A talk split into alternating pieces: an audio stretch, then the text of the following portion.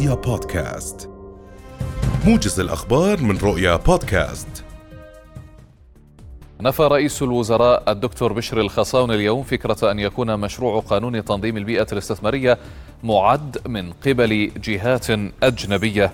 وأضاف الخصاون أن الحكومة هي من قامت بصياغة القانون وهو من جهود أردنية لا علاقة لأي جهة خارجية في صياغته. وطالب الخصاون رئاسة المجلس شطب العبارة التي وردت بها أن المشروع وضع من قبل جهة أجنبية. جاء ذلك خلال جلسة تشريعية يعقدها المجلس لمناقشة مشروع قانون تنظيم البيئة الاستثمارية لسنة 2022 وذلك بعد أن أقرته لجنة الاقتصاد والاستثمار. قال مدير الامتحانات والاختبارات في وزارة التربية والتعليم دكتور محمد كنانة قال إن الوزارة أنهت كافة الإجراءات المتعلقة بإعلان نتائج الثانوية العامة. وأضاف كنان لرؤيا أن الموقع الإلكتروني الخاص بإعلان النتائج لن يتوقف وسيكون ميسرا لجميع الطلبة وأولياء الأمور. كما أكد أن الموقع سيتم تفعيله تزامنا مع موعد المؤتمر الصحفي غدا. وأشار كنان إلى أن النسخ الورقية سيتم توزيعها على المدارس ومديريات التربية والتعليم عند الساعة العاشرة صباحا.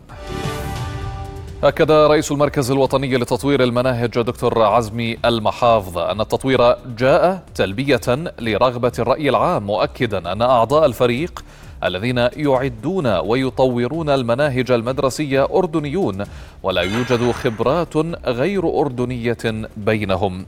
وقال محافظة إن هناك مقترحا قدمته لجنة تطوير الامتحان يقضي بتغيير جذري على الثانوية العامة كافة وفق ما يقره مجلس التربية والتعليم. وحول مادة الفلسفة بين محافظ أنه تم وضع الإطار العام لها وسيتم تدريسها لكافة المراحل الصفية من الأول وحتى الثاني ثانوي. تعاملت فرق الإطفاء والإنقاذ في مديرية دفاع مدني الرمثة. مساء أمس مع حريق في مصنع بلاستيكي في مدينة الحسنة الصناعية وفق مصدر أمني. مراسل رؤيا أفاد بأن فرق الدفاع المدني عملت على إخماد حريق التهم مصنعا في مدينة الحسن الصناعية ومنع امتداده إلى مبان مجاورة دون تسجيل أي إصابة تذكر. أكد وزير الدفاع الروسي سيرجي شويغو أن موسكو لا تنوي استخدام الأسلحة النووية في أوكرانيا.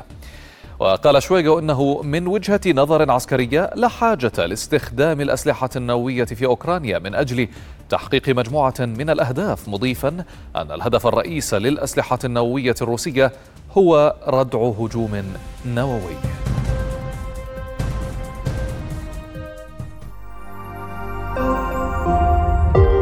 رؤيا بودكاست